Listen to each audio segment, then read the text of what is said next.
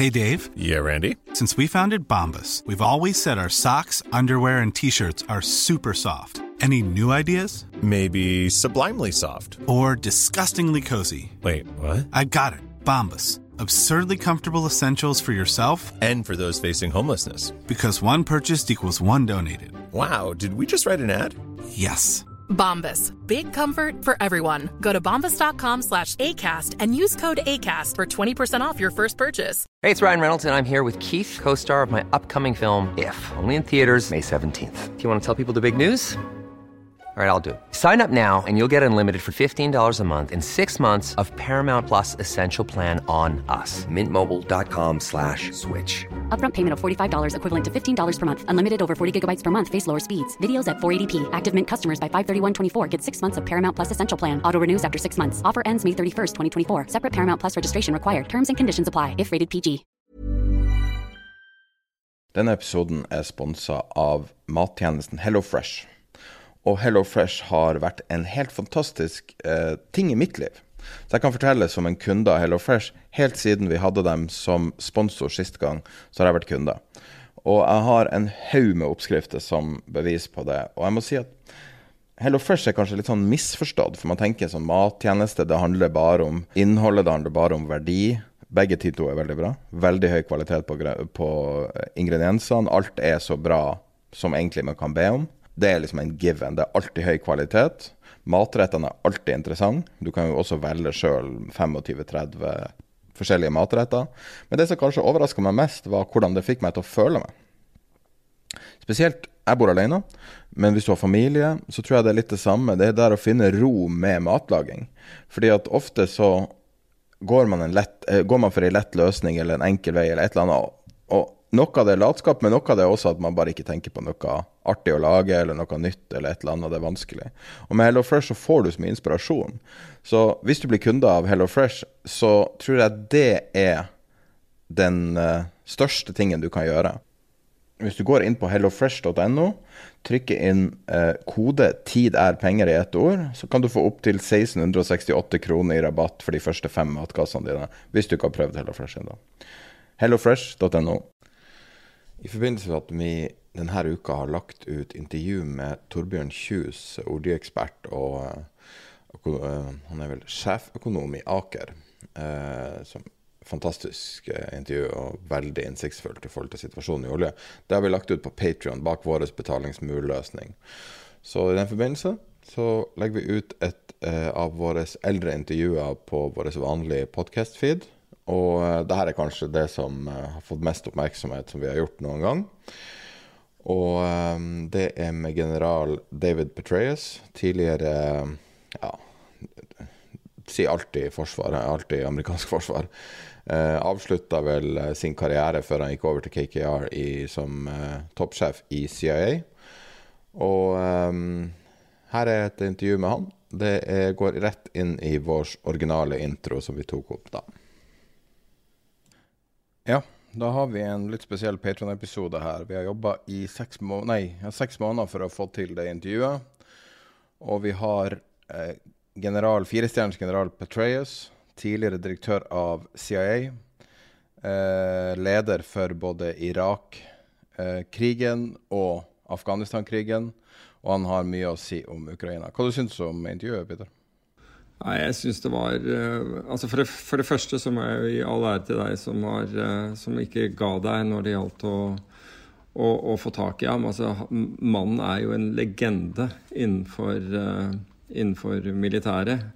Og altså, Han har vært mer en direktør. Han var jo sjef for, for CIA og sjef for uh, styrkene i Irak og sjef for styrkene i eh, i Afghanistan. Han måtte vel ta over etter McChrystal da han tror jeg kritiserte Obama-regjeringen. Gjorde han ikke det, eller noe sånt nå? Eller det var i hvert fall et eller annet som gjorde at McChrystal plutselig datt ut. Men, men han har jo hatt mange andre roller eh, også. Så altså dette er jo en Han er jo en militær legende. Så eh, jeg kan skryte på meg én ting når det gjelder Jeg har faktisk gått på en av de samme skolene som, eh, som Petraeus. Så, og det var USA Ranger School. Han gikk faktisk etter meg. Han er jo eldre enn meg, men han gikk faktisk der eh, etter meg. Så Nei, jeg syns intervjuet var, var, utrolig bra. Og uh, altså dette er Ja, det er som sagt Man er i en å. Altså for de som på en måte har fulgt hans karriere, uh, så, så, så blir man liksom litt sånn uh, Jeg vil ikke si ikke starstruck, men, men, men, man har helt klart en ærefrykt for, for mannen. Hva syns du selv? Nei, jeg vet ikke. Det er jo litt sånn som han sier det i svaret på første spørsmål. Du skal ikke avsløre det. Han er jo så kompetent til å svare på de her problemstillingene rundt Ukraina som ja, som ingen andre, kanskje, kanskje på jorda, nesten. Um, og bare ose ungdom og kompetanse, og han, han var så utrolig imponerende figur. Ja, altså han sier jo Det er han helt, opplagt. Og, så sier han en, en rekke ting som, uh, som uh, er superinteressant, syns jeg. Altså, og det er jo både hans, hans, syn på, som han kommer inn på her, eh, på, på, på, ledelse, hvor han har disse fire punktene. Jeg skal heller ikke avsløre disse, disse punktene, for jeg vil at folk skal høre høre gjennom uh, intervjuet selv, men uh, altså punktene for strategisk ledelse. Men jeg syns han hadde en, en annen sånn one-liner. Og jeg husker ikke akkurat hva du, du spurte ham om, men, men jeg syns one-lineren var så bra når han sa at 'luck is what happens when preparation meets opportunity'. Jeg syns det er så utrolig godt sagt. Um, altså, du kan si at du, du forbereder deg du, altså den, den, jobben man gjør som man ofte liksom syns at man gjør uh, Føles nærmest forgjeves, ikke sant. Uh, men så plutselig kommer det, dukker det opp en eller annen mulighet, og så faller ting på plass.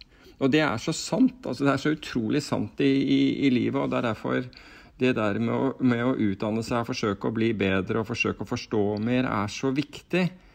Også, men jeg skjønner at folk blir desillusjonert av og til, fordi det kan gå lang tid mellom hver gang fordi muligheter i livet ikke, blir ikke distribuert. unnskyld, uniformt. altså Det kommer ikke en jevn strøm av dem. altså de, de, de er, Det er veldig lumpy returns, for å si det på den måten. Plutselig så kommer det mange ting, og, og så er det lang tid uten.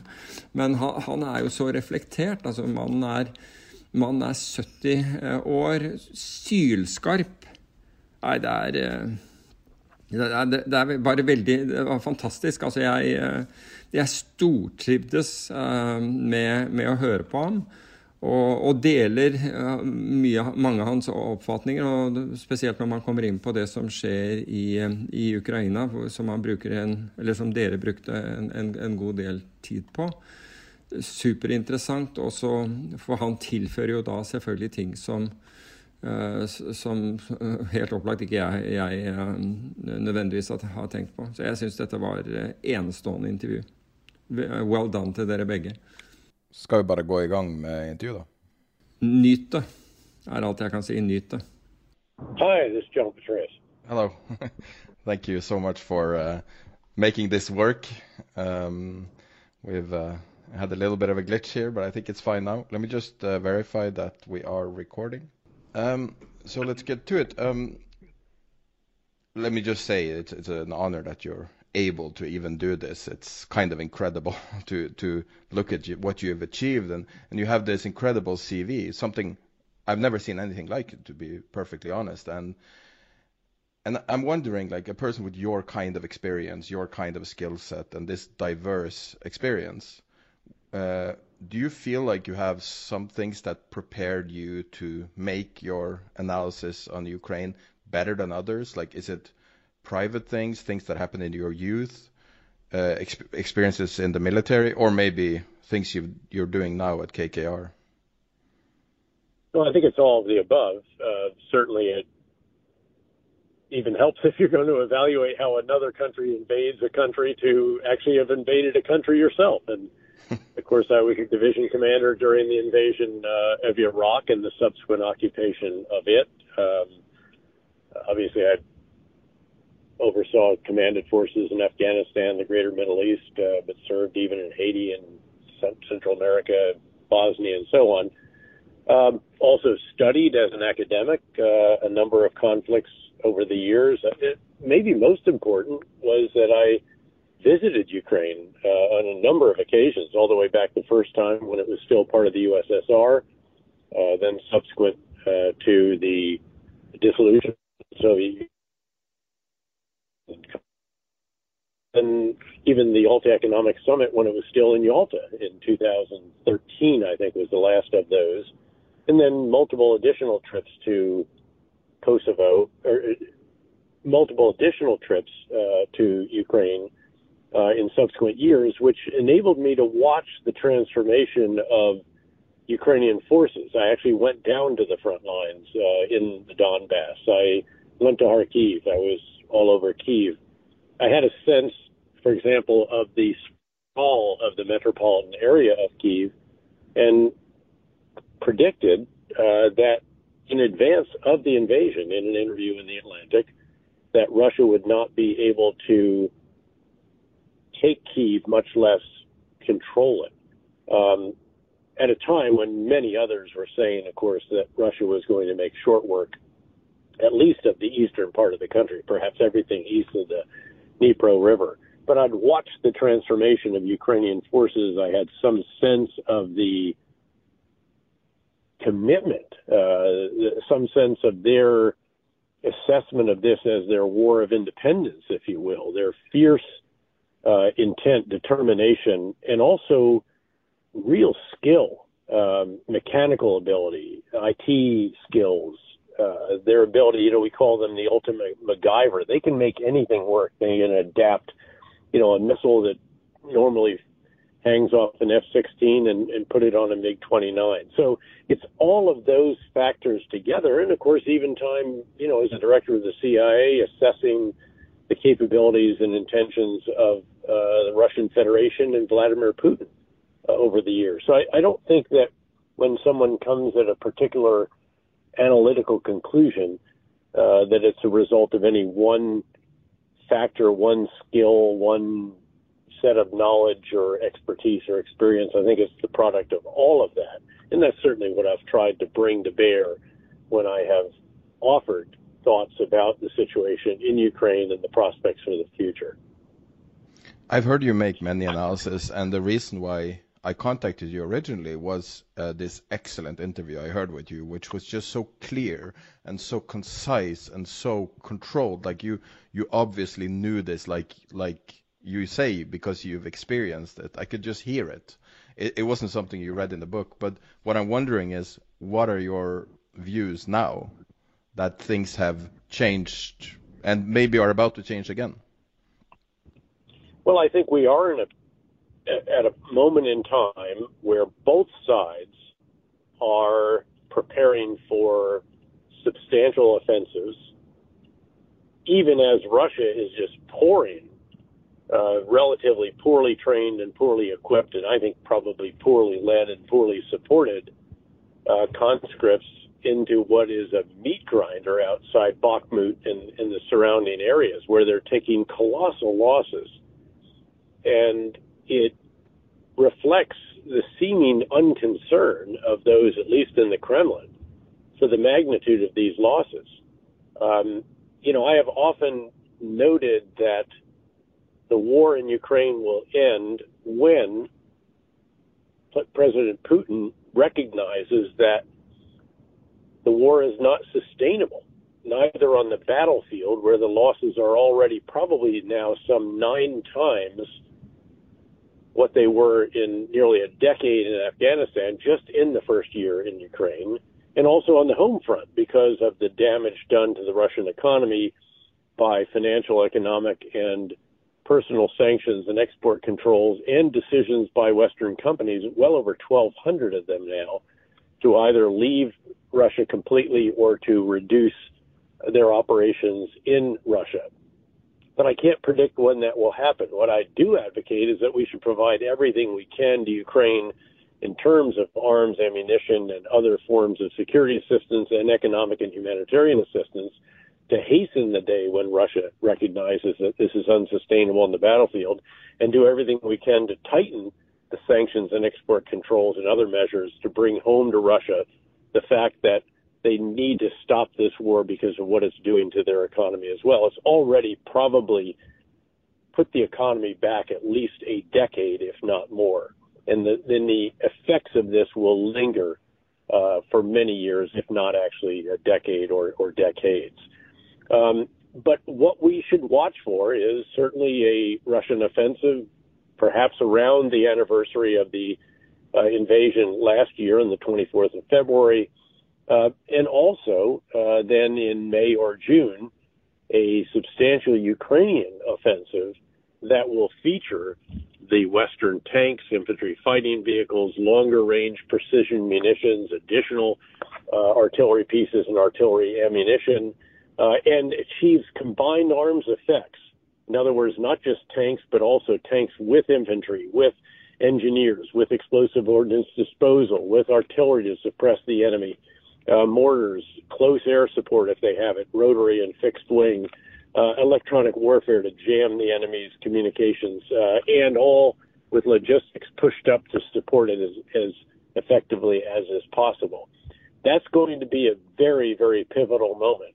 And I hope that the assistance that we have provided in the most recent decisions that have been made in that regard can enable Ukraine ultimately to cut the land bridge that Russia has established between Russia proper and Crimea, and then to isolate Crimea further using the longer range precision munitions now that will stretch out to 150 kilometers, um, and then perhaps maybe even longer over time, and perhaps uh, take out the Kerch Strait Bridge once and for all completely as well. It's very interesting.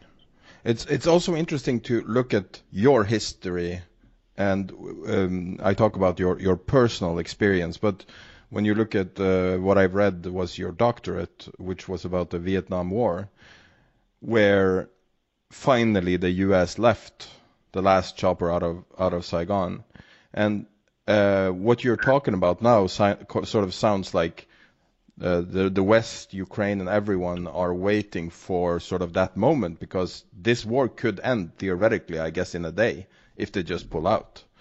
And do you, are there any lessons from what happened to, to uh, in Vietnam and what you have experienced? Uh, I, I, guess in similar situations, maybe the, the first Iraq War.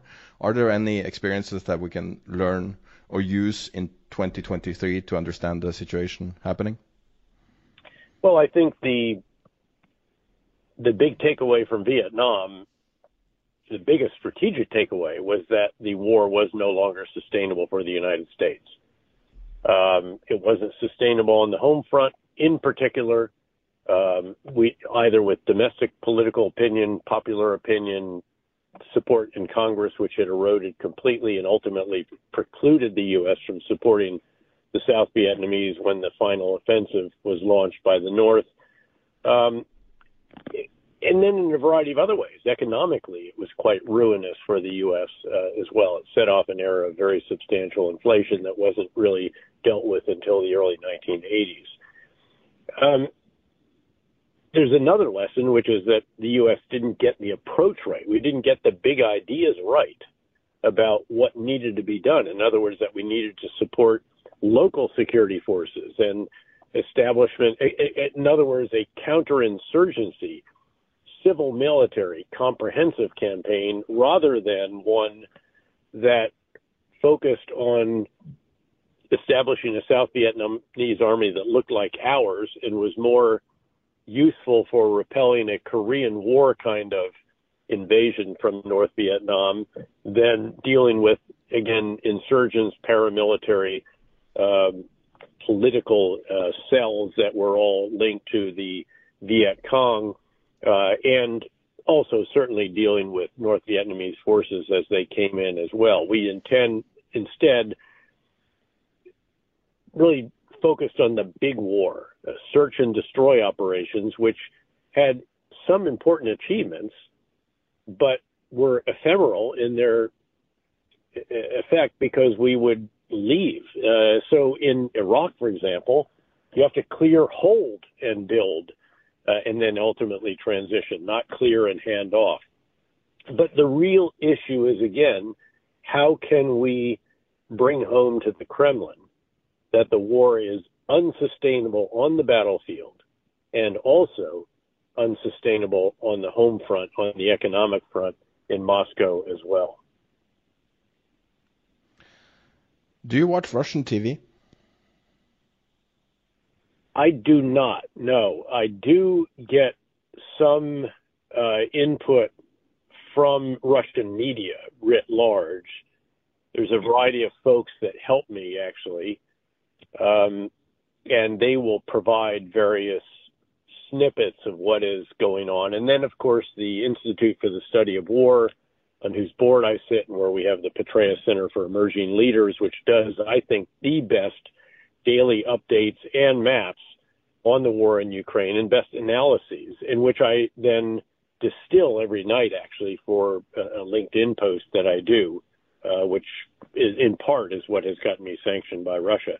It's really actually my media appearances, but but so there are various ways that I think you can get a sense of what's going on, not just on Russian TV, but also in Russian social media, where, of course, there's quite a battle going on between the uh, ultra nationalists, if you will, uh, and some of the others, uh, although the others are largely silenced at this point in time.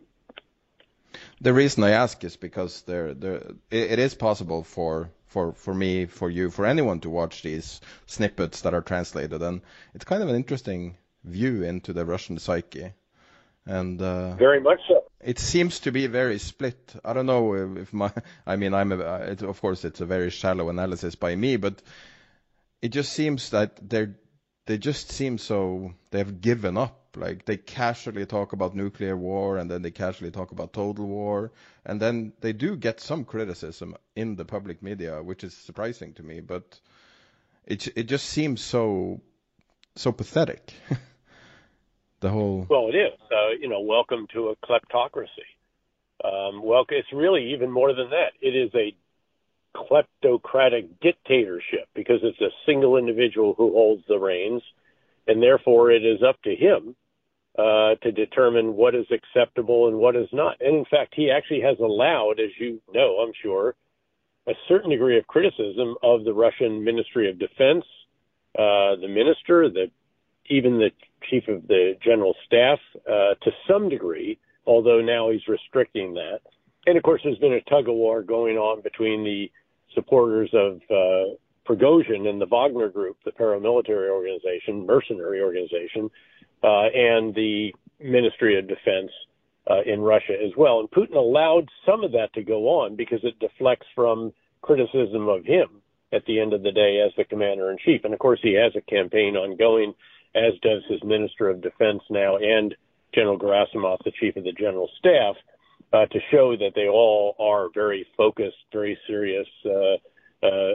riveted on improving what's going on in Ukraine um, whether or not that is fully uh, accurate, I think, is something that's in question. I'm I'm sure you've met uh, Vladimir Putin and, and all the characters personally. I, I have not actually. I was supposed to on a couple of occasions, and there was always some kind of diplomatic blow up right before it that prevented me from doing that. Frankly, uh, although I've certainly had a lot of inter- interface. Well, I, I know his Minister of Foreign Affairs actually uh, Lavrov quite quite well. Just saw him uh, a couple of months ago in in Abu Dhabi as an oh, really? example. Uh, and then some of the others certainly over the years, and a number of his, you know, his ambassador to the United Nations, uh, uh, and others who are the, if you will, the mouthpieces for Russia when it comes to engagement with the West in particular. So the the reason I ask is, I mean, I don't know if it matters because I'm sure you, in your capacity in the CIA and and in in the military in many different positions, I'm sure you you have uh, quite a deep knowledge of him as a person without meeting him. Uh, but do you think that th there is a big debate about whether or not this is his war or Russia's war? And by that I mean, is this his personal choice, like he in 2006 yes. when he made the speech, or or is this a politically popular idea in Russia and he's just sort of playing along? No, I think this is his, a result of his, I think, quite twisted and revisionist uh, history and set of grievances uh, about Ukraine um, whether it has a right to exist or not. He obviously doesn't think that it does. um, and, and so forth. Um, and then he's even created these other uh, issues that that they have to denazify uh, Ukraine, which is particularly performing. And of course, uh, its president is Jewish, and, and for a long time his prime minister was as well. Um, but no, I think this this is his war. But let's keep in mind that his previous decisions on Ukraine, particularly the seizure of Crimea, was very popular. Uh, and it elevated him at a time when things weren't going all that well in some other respects. So nothing succeeds like nationalism in a country like Russia that has this sense of itself. He's fed that uh, very aggressively. Uh, and it's in part why many of the Russians do support him. Of course, especially those that only watch TV, uh, which is all controlled essentially by the state, uh, versus say social media where there is some access, especially if you have a VPN. And I think they had the highest VPN applications or purchases of any country in the world. Uh, only there do you actually have access to outside media and media that does not parrot the party line. It's just so interesting to, to, to talk about him as a person. And when you look back at other historical tyrants like Hitler, his personal experience as a child probably was a fairly large part in shaping who he became as an older man. Do you, do you think that he is uh, he he doesn't seem to be an effective warlord, I guess is what I'm asking. And he used to be sort of a, a middle manager, I guess. In um, he used to be a middle manager in um, in, in um, uh, KGB, and he was sort of a he, he's been told to be a person, or he's been said to be a person that's um, he was sitting sort of uh, as, as the secretary almost. I don't know if that was just for the cameras before he was known. And then he became president sort of all of a sudden. Who do you think he really is as a person is what my, I'm asking. Um, he's a brutal uh, dictator at the end of the day, uh, with again a very twisted sense of history and destiny and Russia and a variety of grievances that have led him to take what is clearly a very disastrous decision uh, to invade a country. And if you ask, you know, how effective a leader is he? So I would evaluate him using the intellectual construct I use for strategic leadership, which highlights four tasks that a strategic leader must perform properly to be a good strategic leader. It's to get the big ideas right, the big strategic decisions. It's to communicate them effectively through the breadth and depth of the organization, population, all stakeholders. It's to oversee the implementation of the big ideas, the strategy, and it's to determine how to refine the strategy and do it again and again and again. And I he's a failure because I, from my perspective at least, the big ideas were catastrophically bad. Um, and he completely overestimated the capabilities of Russian forces and underestimated the capabilities of Ukrainian forces, not to mention the determination, resilience, uh, and, and sheer will of the Ukrainian people and the leadership of President Zelensky, who, to be fair, in his first over two years had done a modestly decent job, but certainly hadn't carried out all the reforms that he'd been elected to pursue. But since the invasion has been positively Churchillian and has performed the duties of a strategic leader brilliantly, gotten the big ideas right. I don't need a ride. I need ammunition. Everyone, every male is going to stay in the country. I'm going to stay in Kiev, and so is my family.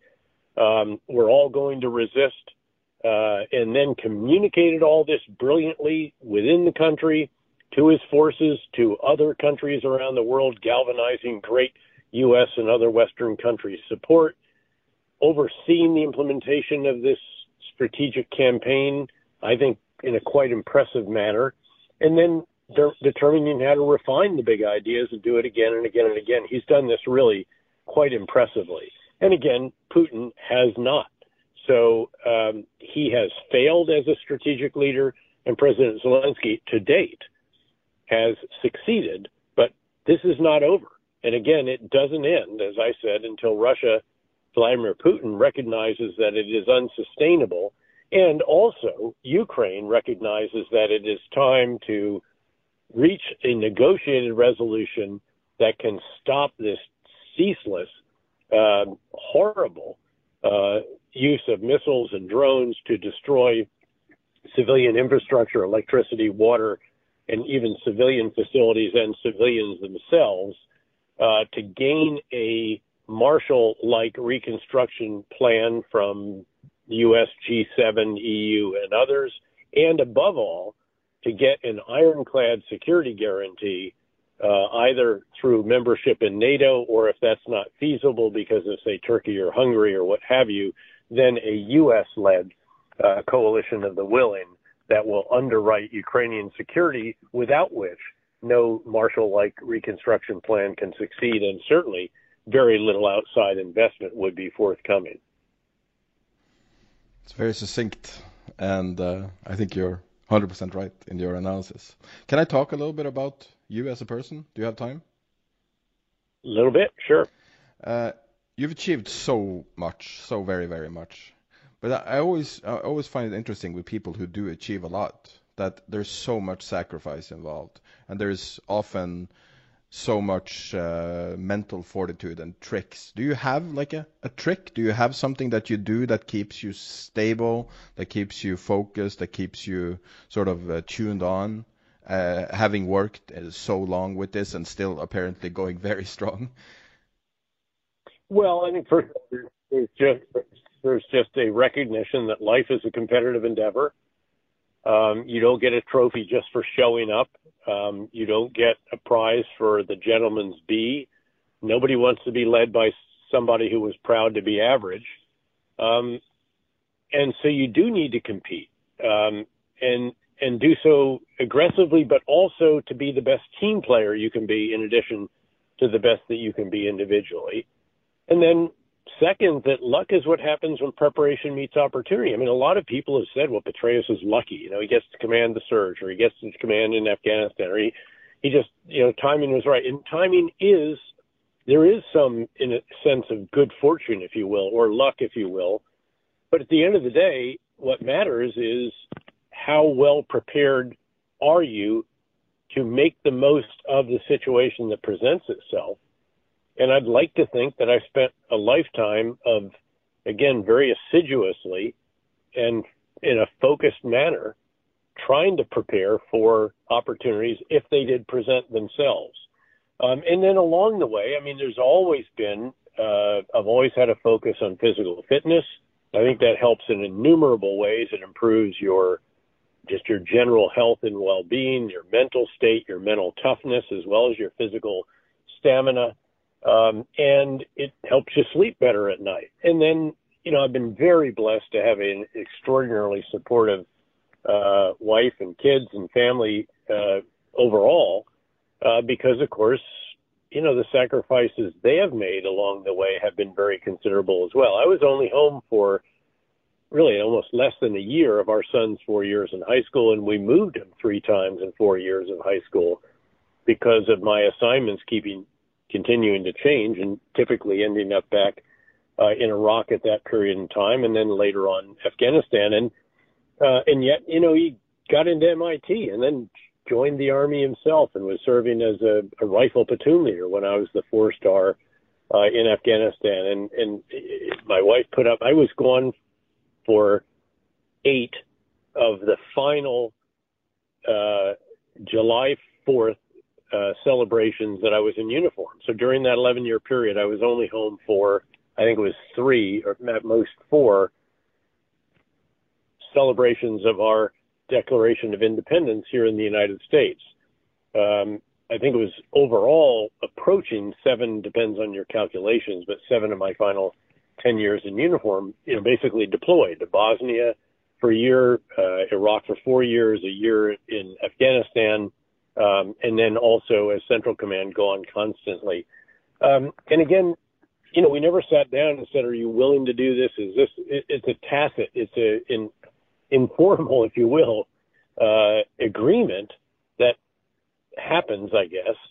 Uh, but again, they more than put up with it. They supported it, um, and you know, we were able to work our way through all of that. So that's another feature because not every family is like that. I was very fortunate to have uh, a wife whose his father was a career military. He was uh, ultimately a four star general, um, and he'd he was gone for two years of her high school years in, in Vietnam, for example. She knew what this was. She knew what she was getting into. Um, and and again, our kids may not have welcomed all this, um, but they supported it. It's it's quite beautiful to hear you uh, put it like that, and I think it's so important with family. But uh, maybe your last job as a as a, a, person with I don't know, you probably have security clearance still, but as a person uh, very much in in um, in the system was maybe your most interesting job from the outside when you were the head of the CIA. I believe it was for for about a year. Um, it's one of the most. But yeah it's most of it's probably the most mysterious and talked about institution in the world, and it's I bet it's the most misunderstood institution if I'm gonna guess. Do you do you think that there's parts of it that's the most annoyingly misunderstood or the most uh, the most talked about that people just don't don't get it? Well, it's not what you see in the movies not all seeing, all powerful, all capable, everything else. Uh, but it does have, I think, the the most talented, most selfless workforce in the entire U.S. government.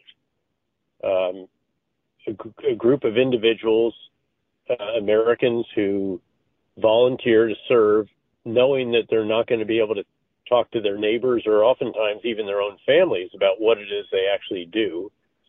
Certainly not any details of that. Uh, I mean, if you think about the joy in many of our lives, it's to come home and, you know, talk to your wife, your family, your kids, your neighbors, your friends, and say, hey, here's what I was up to today. How's it going for you? Um, and you cannot do that. Um, beyond that, that, of course, again, enormous sacrifice, lots of overseas tours, deployments, uh, demands, crises, stress, uh, and and more than a little bit of danger uh, thrown in as well. So again, an extraordinary workforce. But look, I was privileged to have, have an incredible number uh, of these positions, and actually, when I'm asked, you know, what was the most most significant, I, I think you have to sort of come back to the surge in Iraq because it was a situation in which the country was on the verge of a civil war and the great work and great sacrifice and skill of our men and women in uniform, our coalition partners, and our Iraqi counterparts brought that country back from a civil war, drove violence down by 85% in the course of 19 and a half months, that final command, and gave Iraq, the land of the two rivers, a wonderful new opportunity. Um, and they made the most of it for the next three and a half years or so until tragically, shortly after our depart, the last combat forces uh, withdrew from Iraq, the prime minister took ruinous sectarian actions that undid uh, a fair amount of what it was that we had sacrificed so much to achieve together and allowed the Islamic State to reconstitute and create the caliphate, etc.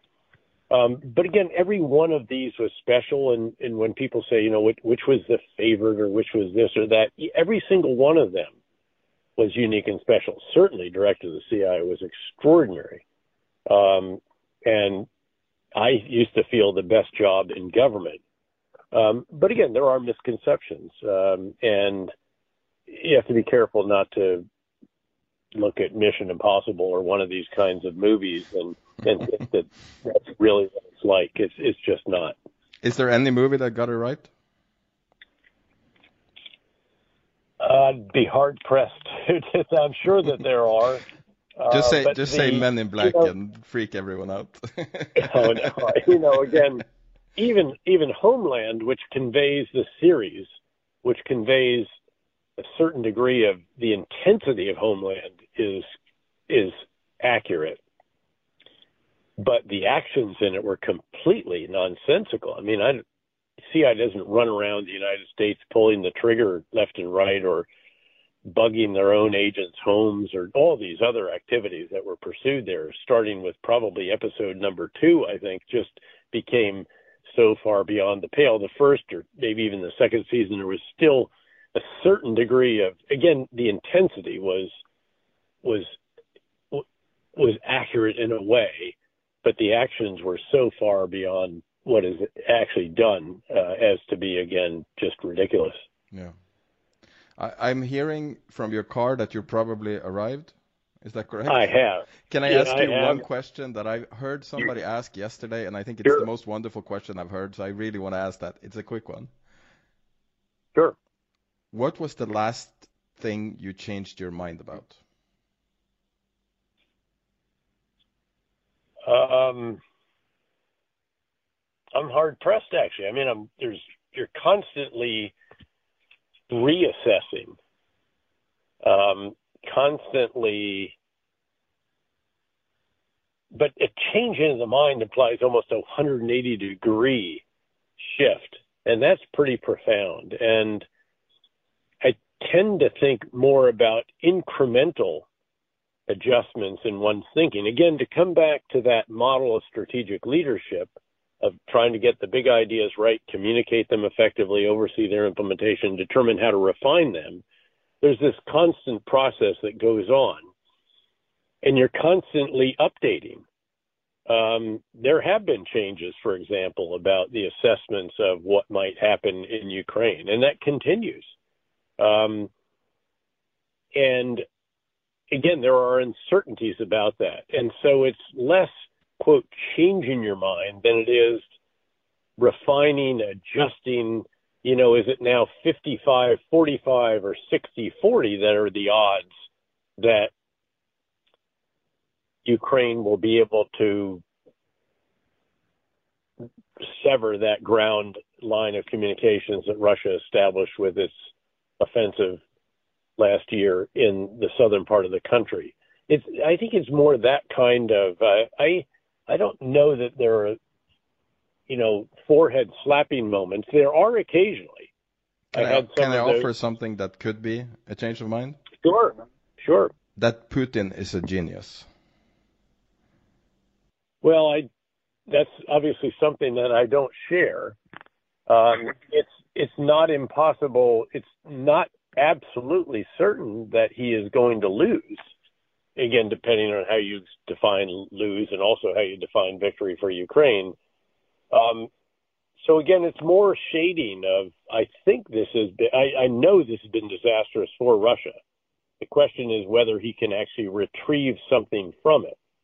Uh, but even that, I think, I think he has shown that he is not a genius.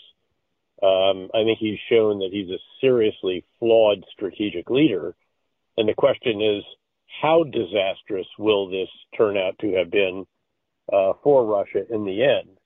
Noting what it has done to the economy, to its military, um, and to the, its place in the world, where it is now a pariah uh, instead of a country that was part of the G8 and had a reasonable position, uh, again, in the overall grand scheme of global affairs. I want to thank you so much for taking time to talk to us. It's been The pleasure even mine. better than Sorry, I hoped. Car. The, the, no, they, it was lovely. It was lovely. House, the House Intelligence Committee went almost an hour longer than it was expected. yeah, I guess there's a lot of talk to talk about these days. There is indeed. Thank you. I you. hope you have Pleasure a lovely day, and thank you so much for talking. To me. You too. Okay. Thank bye-bye. you. Bye now.